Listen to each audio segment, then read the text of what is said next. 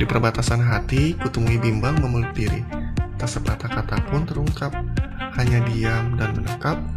Lambat laun, terbisikan kata atau pergi menghindari. Menjauh dari sosok yang telah membuat jatuh hati, bukan karena tersisi rasa benci, namun hati sadar tak mungkin memiliki seutuhnya hati. Pada episode keempat di Nano Podcast, kita akan membahas mengenai orang ketiga.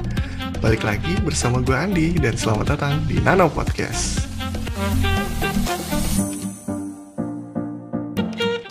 Ada hal baru yang akan gue perkenalkan pada kalian. Dalam podcast ini, gue mengajak teman-teman untuk sharing dan berbagi mengenai cerita apa pun ke dalam channel ini. Contoh cerita horor, cerita senang, cerita galau, cerita kesel, ataupun cerita gibah. ya, nggak masalah ya. It's okay. Yang bisa menjadikan sebuah pelajaran ataupun motivasi. Dari setiap cerita yang masuk akan gue jadikan sebuah konten di episode selanjutnya. Bagi teman-teman yang tertarik, bisa kemas ceritanya berupa teks ataupun record suara. Bagikan cerita kalian ke email nanopodcast di nanopodcast77 at gmail.com. Pada episode keempat di Nano Podcast, kita akan membahas mengenai orang ketiga. Orang ketiga itu secara definisi cinta adalah orang yang berada di tengah-tengah hubungan kalian. Jadi gini nih, lo cowok, lo cewek. Jadi di tengah-tengahnya ini ada ada musuh gitu loh. Musuh yang bisa membuat kalian lebih maju ataupun membuat kalian menjadi hancur. Ciri-ciri orang ketiga ada itu salah satunya hubungan yang tidak harmonis ataupun jarang komunikasi. Permasalahan komunikasi sering kali terjadi pada satu pasangan, entah dengan alasan yang jelas ataupun dengan sumber yang jelas. Terkadang komunikasi itu bisa buat kita menjadi dekat ataupun menjadi jauh.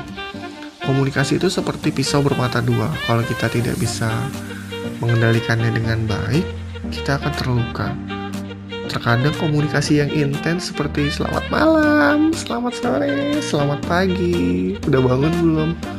Anjir, alay banget sumpah. Uh, ada yang senang dan ada yang nggak suka juga sih. Jujur kalau gue ya untuk fase-fase komunikasi dalam bentuk perhatian seperti selamat pagi yang si cewek ataupun si cowoknya yang kok kamu nggak ngucapin selamat pagi sih? Kok kamu nggak ngucapin selamat siang ke aku sih? Waduh. Itu kayaknya zaman zaman cinta zaman SMA deh.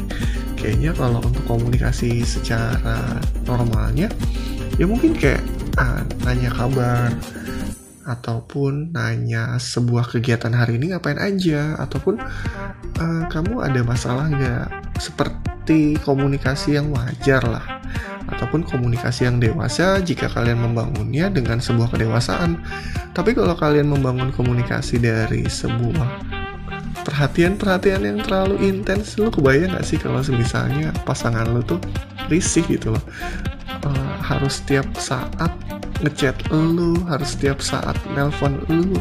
Kalau di telepon gak diangkat, ngambek ataupun kalau chatnya cuma dirit doang, marah.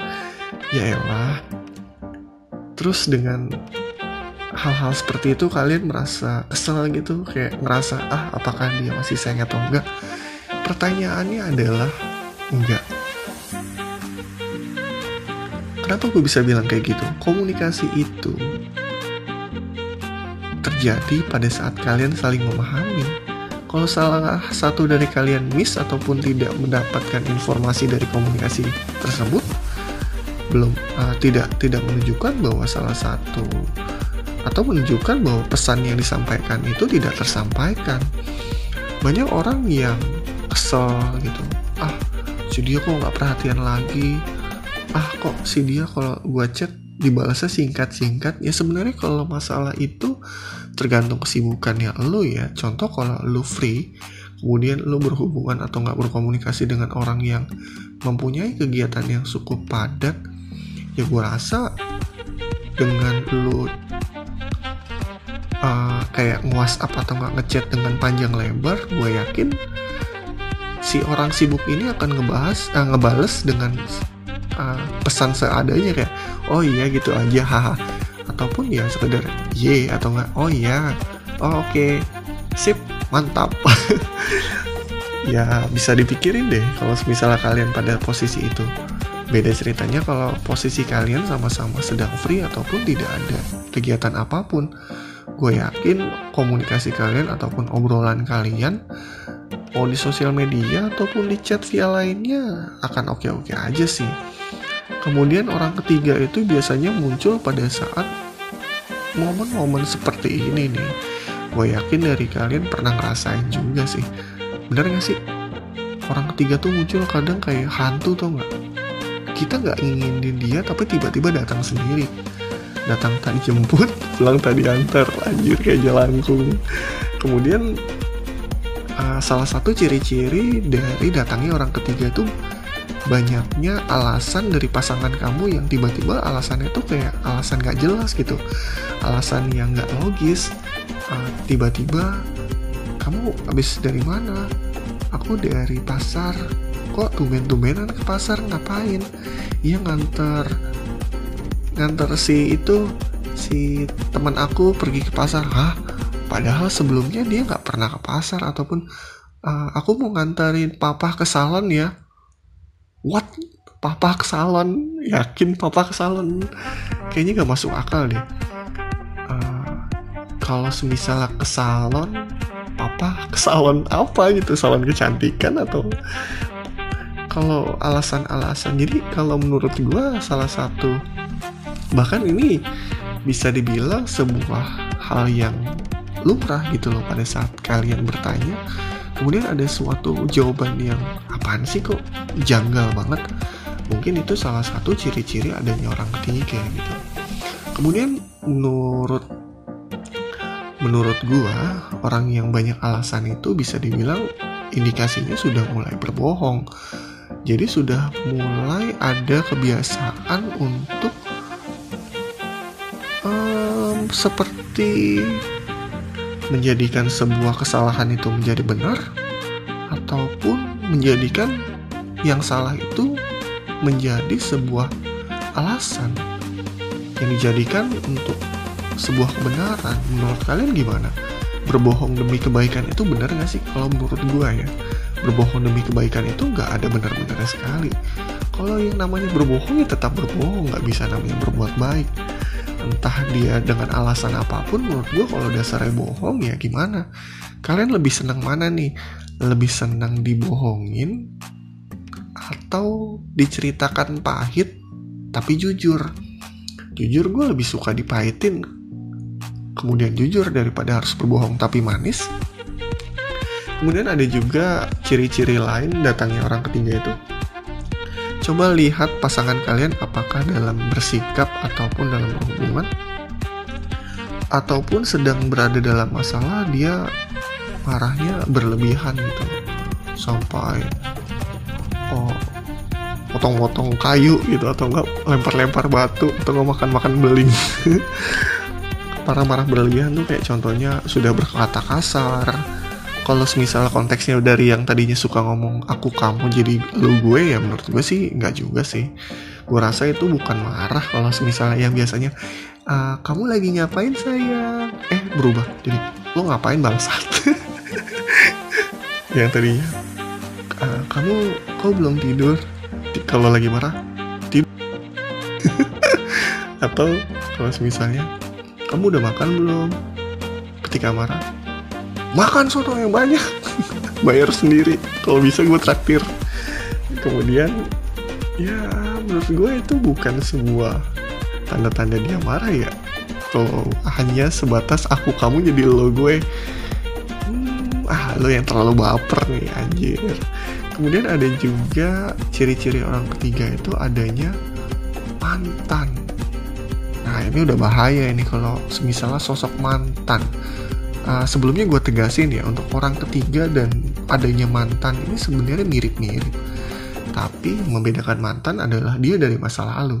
Kalau orang ketiga lebih cenderung dari dia punya masa depan ataupun dia bertemu dengan orang baru Tapi yang paling serem sih kalau misalnya ketemu mantan ya. Sebenarnya konsepnya sama, datang tak dijemput, pulang tak diantar. Membuat mantan lebih berbahaya sebenarnya lebih ke kenangannya sih. Gue yakin dari kalian kalau misalnya ketemu mantan ada dua tipe nih. Tipe yang menganggap itu sebuah biasa aja ataupun tipe yang bertemu mantan itu sebuah bencana ataupun sebuah kebencian yang terpendam pada saat kalian bertemu dengannya jujur kalau gue melihat mantan ya ada beberapa tipe sih. Kalau gue ketemu mantan dengan pacarnya yang ganteng mungkin gue kesel ya marah tapi kalau mantan uh, ketika gue ketemu mantan dengan kondisi dia yang lebih buruk ya gue ketawa. Mampus lo kemudian orang ketiga itu sebenarnya kayak perusak hubungan sih.